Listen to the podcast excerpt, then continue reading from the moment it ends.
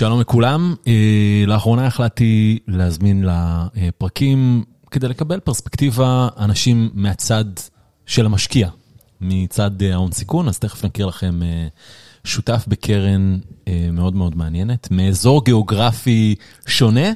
אה, אבל אה, לפני שנכיר לכם את המרואיין שלנו, אה, נזכיר לכם את שיתוף הפעולה שלנו עם כלכליסט, שאנחנו מאוד מאוד שמחים וגאים בו. גם הפרק הזה יופיע ככתבה בכלכליסט, אז תציצו שם. בואו נשים קצת מוזיקה ונכיר את האורח.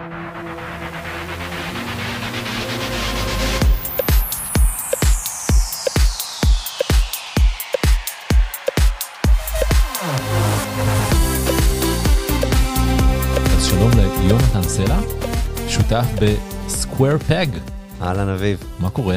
בסדר גמור, כיף להיות פה. תודה, תודה, כיף שאתה פה. סקוואר פג, מה, על שום מה? מה זה סקוואר פג? סקוואר פג, היה זה איזה משפט, איזה פתגם, איזה משהו כזה באנגלית, לא? כן, יש אה, עניין של square peg, mm-hmm. uh, והרעיון של uh, לפעמים אתה מנסה להכניס משהו לתוך איזושהי תבנית ש...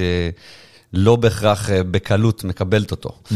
ויש פרסומת, אה, הפרסומת הראשונה המפורסמת של אפל, שסטיב ג'ובס אה, מדבר על ה-Here's to the crazy ones, ולאנשים שהם בעצם מנסים להכניס square peg into round holes. Mm-hmm. והרעיון הוא שהיזמים שאנחנו נכנסים איתם לשותפות ומממנים ומגבים אותם, הם אנשים שהולכים על אותה משימה בלתי אפשרית של לנסות לא מקבלים uh, no for an answer ומנסים להכניס בעצם את ה-square peg into the round hole. אוקיי. Okay.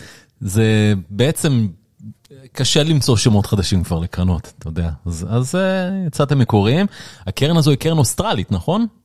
הקרן התחילה באוסטרליה, היא היום עובדת, אה, פועלת, רוב הפעילות שלה הוא כבר מחוץ לאוסטרליה. Mm-hmm. יש כמובן הרבה פעילות באוסטרליה, והשקענו שם בחברות מלאיבות כמו קנווה ואחרות. Okay. אוקיי.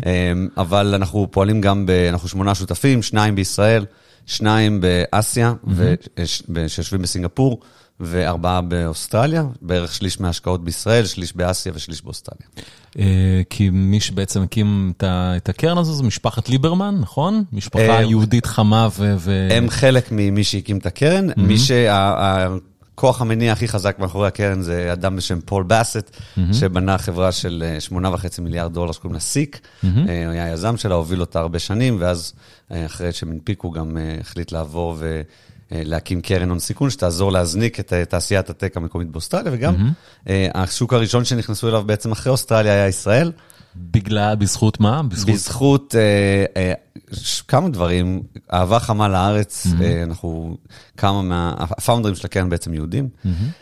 ואמונה שיש הרבה, בטק אקוסיסטם פה, היה בשלב מוקדם יחסית זיהו את אה, המעבר הזה מ-Startup Nation ל-Scale-up Nation, ואת היכולת לבנות פה חברות מאוד גדולות.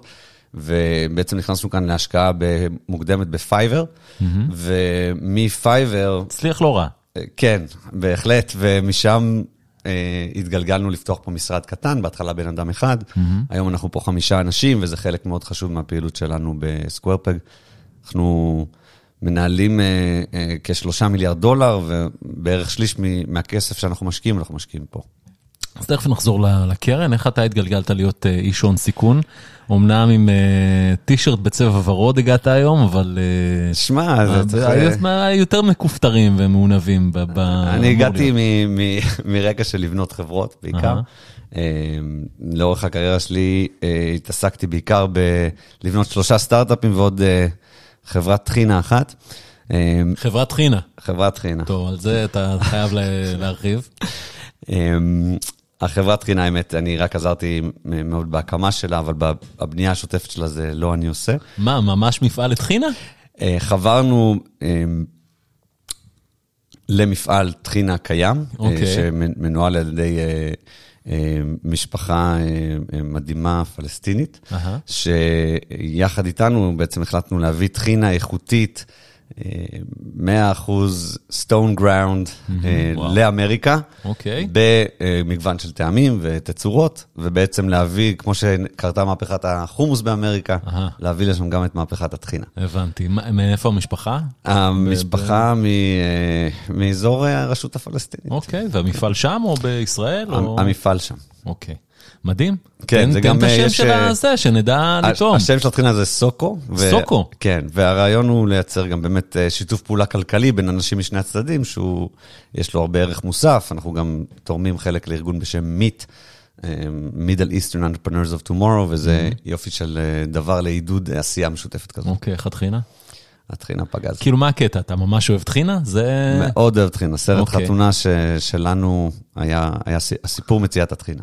מה אתה אומר? אבל האמת שבארצות הברית פשוט עוד לא נכנסו לעולם של טחינה בצורה. מספיק חזקה, ואנחנו מאמינים שעלייה גדולה ב-plant-based food, ועלייה גדולה בכלל בפופולריות של אוכל מזרח תיכוני בארצות הברית, ביחד משתלבות ל- לטרנד חזק ל- לטחינה. אוקיי, עם סיפור טוב כזה של אה, קירוב לבבות ו- וכולי. אה, אוקיי, אז נשים את הטחינה בצד. מה, איזה חברות הקמת? חברות טכנולוגיה, אני כן, אני מנחש. שונות, אה, הייתי שותף או בצוות הקמה, או כאקזקטיב ראשון, או כפאונדר בחברות, חברה אחת אה, בתחום של B2B וידאו בשם טיווינצ'י, אה, חברה אחת בתחום של קונסומר. שקלטורה קנתה, נכון? קלטורה קנתה, חברה אחת בתחום של קונסומר מובייל, סושיאל, חברה בשם YouNow. מה, ש- חברה שהיא B2C? B2C. אה, והשקיעו בכם בישראל? כאילו, זה השקיעו בנו אה, ב- נדיר. בעיקר בארצות הברית, אה, Union Square Ventures וקריס דיקסון ואנשים אחרים. זו חברה שבעצם עשתה סוג של פייסבוק Live לפני שהיה פייסבוק Live. והגיעה לפופולריות מאוד גבוהה, היה לה סיפור מאוד מעניין, עלתה, ירדה, הרבה סיפורים, גם לנו בשיא ל-50 מיליון users. ו- ומה קרה עם החברה? בסוף, אה, אה, כשיצא פייסבוק Live, יוטיוב Live, טוויטר Live, אז הפופולריות שלה ירדה, אבל בסוף אה, מכרנו את מה ש... את הנכסים ואת ה-IP למי? ל-private equity. אה, אוקיי, בסדר. והשלישית? חברה בתחום הקריפטו. אוקיי. חברה בשם Props, אה, חברה מעניינת. אה, אפשר לדבר בכלל על קריפטו, אבל אה, בעצם מכל המיזמים האלה מצאתי שמה שמעניין אותי זה להיכנס לשלבים של אה, מציאת הסיפור של החברה, מציאת הפער שעליו היא עונה, והשלב שבו מנסים ל... אה, להבין מהי הדרך, ש... מהי הבעיה האמיתית שהחברה מנסה לפתור, ומה הסיפור שימשוך אליו את הלקוחות ואת העובדים ואת המשקיעים, וייצר את המומנט סביב החברה. Mm-hmm. ומתוך האהבה הזו אה, הבנתי שאני אה, רוצה לחזור לתחום ההון סיכון. עסקתי קצת לחזור? בארצות הברית. אה, אוקיי. הייתי בקרן אמריקאית בשם ונרוק. אה, ו... מה זה של משפחת רוקפלר? נכון, במקור. מהמם. קרן קלאסית, השקיעה בחברות כמו אפל ואינטל בעברה, וזהו. משם, אחרי כל מיני השקעות אנג'ל ועבודה בתחום, החלטתי לחזור לעולם הזה עם החזרה שלנו לארץ. בילינו בערך עשור בארצות הברית, וכשהגענו חזרה לפה, ידעתי שזה מה שאני רוצה לעשות אה, לטווח הארוך. רגע, מתי החלטתם לחזור? אחרי שנולדה הבת השנייה, כמובן. אוקיי, כי אמרתם כי רוצים... קר מדי, קר מדי בניו יורק. כן, זה נכון. ואין אין טחינה. אין טחינה. זה כאילו סיבה מספיק טובה. זה הסיבה שהקמנו חברה, להביא כן. טחינה לניו יורק. אוקיי, אז אה, מתי זה קרה? מתי אה, הצטרפת ל-Square Peg? לפני uh, קצת פחות משלוש שנים, mm-hmm. uh, אנחנו פה uh, בעצם שני שותפים בישראל ועוד uh, צוות, ואנחנו uh, המשכנו לגדל את הפעילות פה, וזה מה שאנחנו מושקעים בו עכשיו, זה להשקיע פה בחברות בכל מיני תחומים. הקרן. עוסקת גם בעולמות של uh, פינטק, ששם השקענו בחברות כמו Stripe ו-Airwallex ואחרים. לא על זה אתה מדבר, כן. Stripe זה... כן. כן. וכמובן, הרבה חברות SaaS, הרבה השקעות בתחום ה-AI, לאורך כל השנים האחרונות, חברות אה, של AI ורטיקלי, חברות אה, שמייצרות תשתיות בתחום הזה, וגם חברות בתחומים אחרים. אז מה מעניין אתכם? בואו בוא נדבר על השלב שמעניין אתכם דבר ראשון. הרבה השקעות בשלב של אה, אה, A ו-Seed פלוס ו-Seed. אה, זה רוב המכריע, זה הרוב המכריע של שמה אתם הכי. אוהבים? את, את כל הטווח שבין ה-seed ל-A. אז אוקיי. הייתי אומר שאנחנו פחות נעשה pre-seed, מהמם. אה, בהחלט נעשה, בקרן האחרונה עשינו חצי מההשקעות ב-A, בערך שליש ב-seed, אה, וכמה השקעות בודדות ב- מעבר לזה. הקרן די גדולה, אנחנו מנהלים אה, קרן אחרונה 550 מיליון דולר, שמחולקת ל-opportunity fund וקרן מרכזית. הקרן המרכזית משקיעה בשלבים שתיארתי, והקרן opportunity בעצם עוזרת לנו להמשיך עם החברות שלנו לאורך כל הדרך, ובאופן עקרוני אנחנו כמעט תמיד מובילים סיבובים, לוקחים בורד סיט והופכים להיות שחקן אה, פעיל אה, לצידו ובתמיכה אה, למנכ"ל ובכלל לצוות אה, של היזמים. זה, זה מה שאנחנו אוהבים לעשות, mm-hmm. גם אני וגם שותף שלי, פיליפ, פה בארץ, אה, מגיעים מרקע של אה, לבנות, וזה גם ה-mindset שאנחנו נכנסים אליו. לא חס וחלילה לדרוך על האצבעות של אף אחד, באים לסייע, אבל מתוך מקום שמבינים את העבודה והמעמסה שיש למנכ"ל על הכתפיים, ורוצים לעשות מה שאפשר כדי לעזור, לעזור לו להצליח או לה. Mm-hmm. אז זה השלב, מה, איזה תחומים מעניין אתכם? אז כמו שאמרתי, היו לנו הרבה הצלחות בעבר, ב, עד, עד היום. בואו נדבר על ישראל בינתיים, כי הקהל שלנו דובר עברית. obviously. בטח. אז בישראל, מטבע הדברים, למרות שאנחנו פתוחים גם להשקעות ב-B2C, ודברים שמתחילים כ-B2C והופכים ל-B2SMB וכו', כמו, כמו Fiverr. אנחנו גם עושים השקעות כאלה, וביצענו גם עוד שתי השקעות פה בחברות שהן לא B2B קלאסי, אבל רוב הפעילות פה היא באמת בעולמות של B2B, כי זה רוב הפול של החברות שקמות. ובמסגרתו אנחנו משקיעים בכל מיני דברים, גם אם זה future of work, גם אם זה AI infrastructure, גם אם זה health tech, אז השקענו ב-ADOC, חברה שבעצם הרבה, הרבה מהתמה בשנים האחרונות, אני חושב בכלל פה, אנחנו פחות משקיעים בחברות סייבר, שזו תמה גדולה בישראל, מה שאנחנו פחות עוסקים בו. כי מה? כי זה משעמם אותך? כי אני חושב ש... כי זה משעמם, סתם. כי אני חושב שכל אחד צריך לדעת איפה היתרון התחרותי שלו. ואני לא חושב שיש לי יתרון תחרותי משמעותי, או לנו, בהשקעות בתחום הזה. לפעמים יש אנגלים מאוד ספציפיים שכן, למשל עבודה עם IoT, שיש לנו בזה ניסיון, אז אם זה סייבר ספציפי לזה, זה יכול להיות מאוד רלוונטי, או דברים ספציפיים אחרים, אבל באופן עקרוני, זה לא תחום ההתמחות שלנו. אני חושב שכל אחד צריך לשחק איפה שהוא מרגיש שהוא יכול להביא איזשהו insight יותר ייחודי,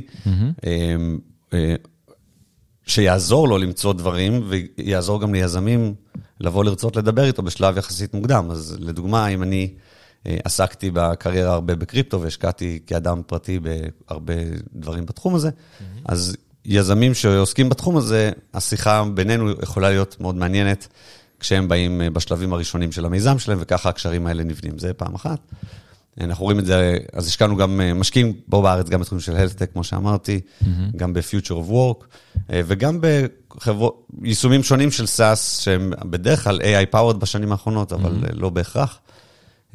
אז השקענו בחברה בשם אקסודיגו, שמתעסקת ב-underground mapping. אה, חברה שהייתה בפרק מיוחד שעשינו עם חברות צעירות, נתנו לה חמש דקות לדבר מתוך שש חברות, אוקיי.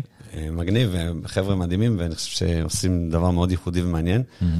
וגם חברה בשם Voyantis, שמתעסקת בעצם ב-AI לתחום ה-marketing. בעצם מחפשים fit מאוד מיוחד mm-hmm. בין ה-founderים לבין הבעיה והשוק שהם תוקפים. כן. ומתוך זה, אנחנו מאמינים ששם נוצר הקסם, כשיש founder market fit מאוד חזק, ואיזשהו tailwind משמעותי שמאפשר יצירה של סט חדש של opportunities, וזה סוג המצבים שאנחנו מתעניינים בהם במיוחד. אוקיי. Okay. באיזה שלב יזם כדאי לו לפנות אליך? הכי מוקדם שאפשר. אני מדבר כל היום mm-hmm. עם אנשים בכל מיני שלבים של בניית חברות, mm-hmm. וככל שזה יותר מוקדם, אני, אתה יודע, אני מאמין בקרמה, אתה מפזר. אתה נותן, דברים חוזרים כשהם חוזרים, אם הם חוזרים, mm-hmm. ובכל מקרה, אני חושב שאחד הדברים היפים באקוסיסטם הישראלי זה, גם אם משהו לא, מישהו מגיע עוד כשהרעיון שלו לא מגובש עד הסוף, והוא עדיין בכלל לא מגייס כסף, יש הרבה אנשים שאפשר לחבר אותה או אותו איתם, שיעזרו לו לקבל עוד תובנות ועוד זווית ועוד לקדם את הסיפור של החברה שלה או שלו, והדבר הזה הוא... מהותי. אני חושב שזה חלק גדול מהתפקיד של, של משקיע ב-ecosystem הזה, הוא פשוט node שמחבר בין דברים כדי להגדיל את הסך הכל הכללי של מה שנבנה פה. כן. ואני מש, משקיע הרבה זמן בשיחות כאלה, ומאוד מאוד שמח לדבר עם כל אה, בן אדם אה, שבאמת ובתמים רוצה להשקיע את אה, זמנו ב, בלבנות משהו גדול. אז ליצור מערכת יחסים זה משהו שאנחנו שומעים הרבה, גם בשלב הרעיון הראשוני, או אפילו שני חבר'ה ככה, אבל אני מניח שאתה לא, על מצגת אתה לא תכתוב צ'ק בדרך כלל, נכון? קורה לפעמים שכותבים כן? צ'ק על מצגת. אני חושב שבבלנס אצלנו, אנחנו בדרך כלל פחות עושים את הפרי-סיד, יותר עושים סיבובים של סיד. ש- ש- שבסיד כזה, מה גובה הצ'ק בדרך כלל? כמה מיליונים בודדים. אוקיי, מה, שלושה, ארבעה, חמישה? זה, מאוד גמיש, זה ב... היית שואל אה, משקיע ב-21 מהו הגובה של אה, סיד כן. ממוצע, תקבל תשובה שונה מה... חד משמעית. משנים אחרות, אז אנחנו בסוף VC, VC זה price takers, כן. הם לא קובעים את המחיר, השוק קובע את המחיר. אנחנו, המטרה שלי ושלנו זה למצוא יזמים מדהימים עם רעיונות ענקיים, ולנסות להעריך למי יש סיכוי להביא את הרעיונות האלה לחיים, ולייצר איזשהו אימפקט. אוקיי, ו- ובשלב הזה, מה צריך להיות לחברה? מעבר למצגת וצוות כזה של שניים, שלושה חבר'ה? מה, כאילו, דיזיין פרטנרים, לקוחות ראשונים, early אני חושב שזה קצת revenue? פחות, זה קצת פחות אה, אה, תבניתי מזה. כן. יש, בסוף, כמשקיע אתה מסתכל על אה, חבילה שנקראת החברה הזו, לפעמים Mm-hmm. היא מגיעה בתצורה של אה, מצגת ושני יזמים, לפעמים היא מגיעה בתצורה של אה, חברה של אה, 80 איש עם revenue, ו- וזה עדיין שלב מספיק מוקדם בשבילה. אנחנו בכל מקרה רוצים להשקיע בשלב מוקדם. השלב הזה יכול להשתנות בהתאם ל- לסיטואציה, כי יש איזשהו אלמנט של risk. כן. ולפעמים כשיש יזם מוכח עם insight מאוד מדויק לגבי שוק מסוים ותוכנית פעולה מספיק מפותחת, גם אם היא עדיין רק ברמת המצגת, אנחנו נהיה, אה, נשמח לקחת את, ה, אה, את, את ההזדמנות ולעבוד עם היזם הזה כבר מהשלב הזה. זה עובדתית, שאלת קודם מתי אנחנו משקיעים, יוצא שבערך אה, חצי מההשקעות שלנו הם ב-A ועוד אה, קצת פחות מחצי הם בשלב ה-seed, ולעיתים עושים גם יותר מאוחר. אז, אז זה באמת נע במנעד שבין שניהם, אז זו התשובה שיש לי בנושא הזה. אוקיי, אז uh, דיברת קצת על, על זה ש-VCs הם price takers והם קשורים למצב הכללי בשוק. א- איך המצב הכללי בשוק פוגש אתכם?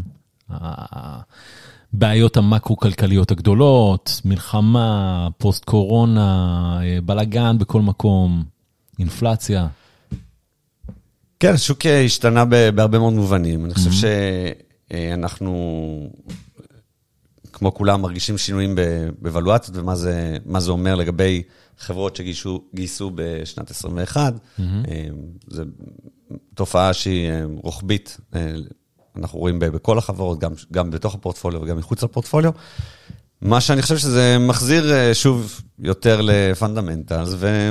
אבל אתה יודע, אנחנו מסתכלים, לא רוצה לחזור על אה, קלישאות ברורות לגבי מצב השוק, אני כן אגיד שמנסים לעבוד עם כל חברה אה, וחברה, לנסות להבין מה הנג- הנגזרת של השינוי ש...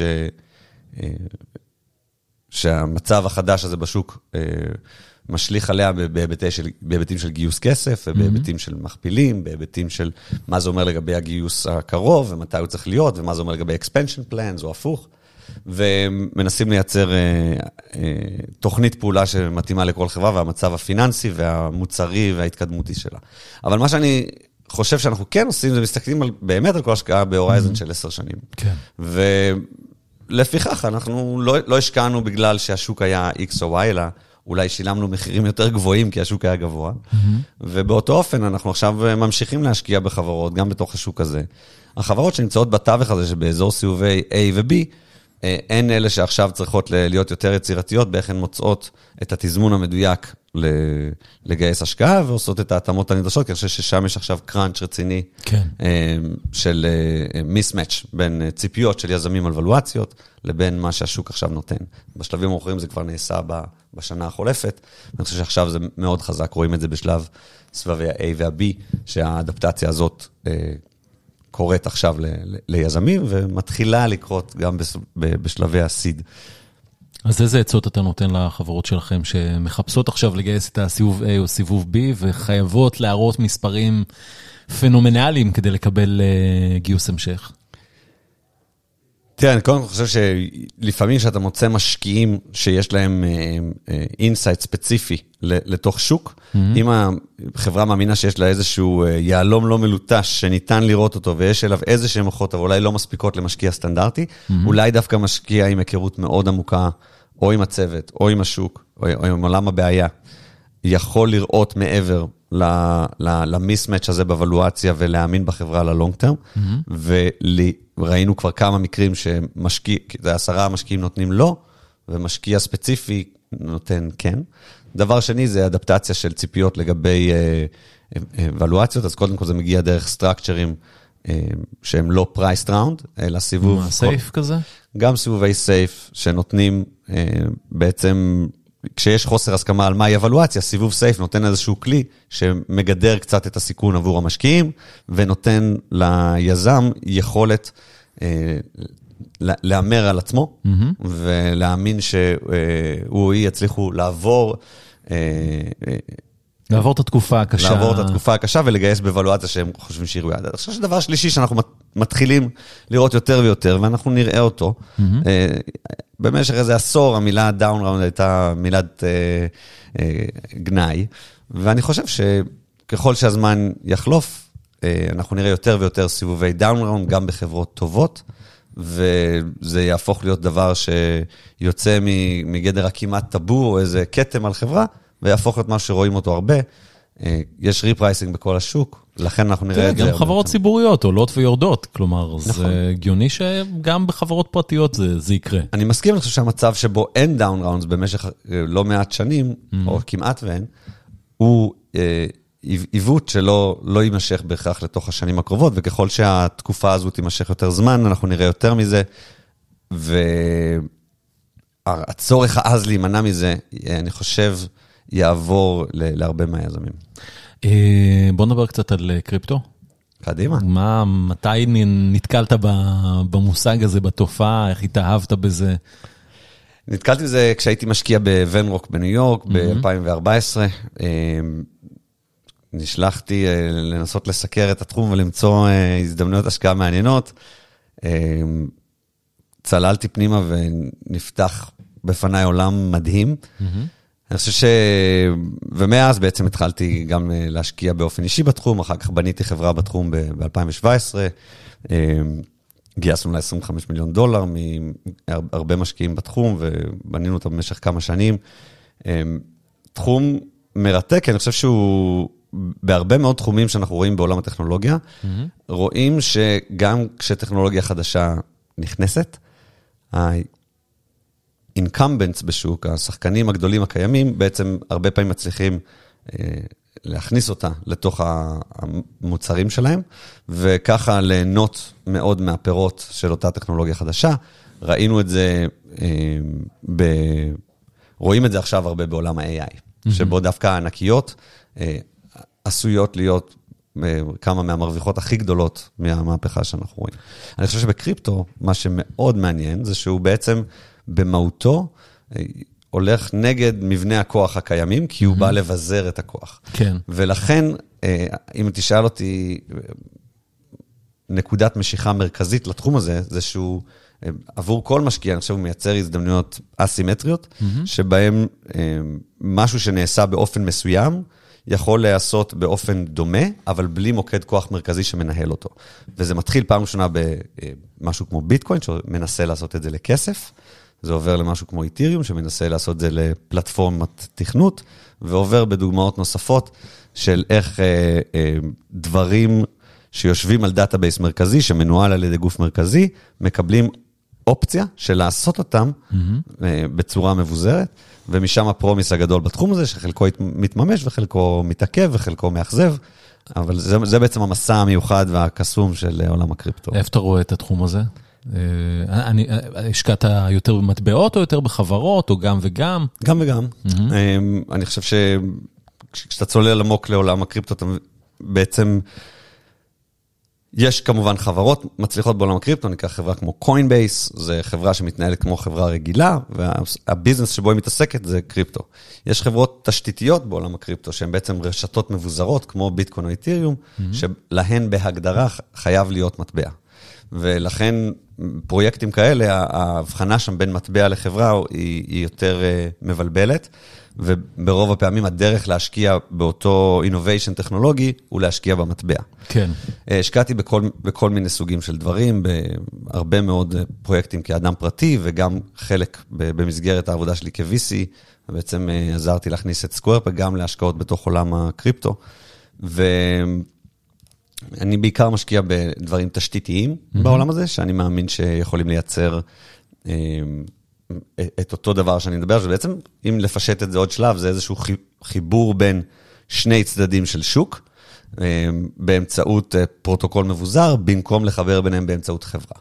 כן, אז אה, מההבטחה הזאת שבוא נגיד ככה, אולי קצת מקרטעת עכשיו, של עולם הקריפטו לדבר הבא, שהוא Generative AI, שאתה יודע, בניגוד לקריפטו, שבו בעצם האדם הסביר לא כל כך מעניין מה יש מתחת למכסה המנוע, איזה טכנולוגיה מבוזרת, לא מבוזרת אה, אה, מייצרת.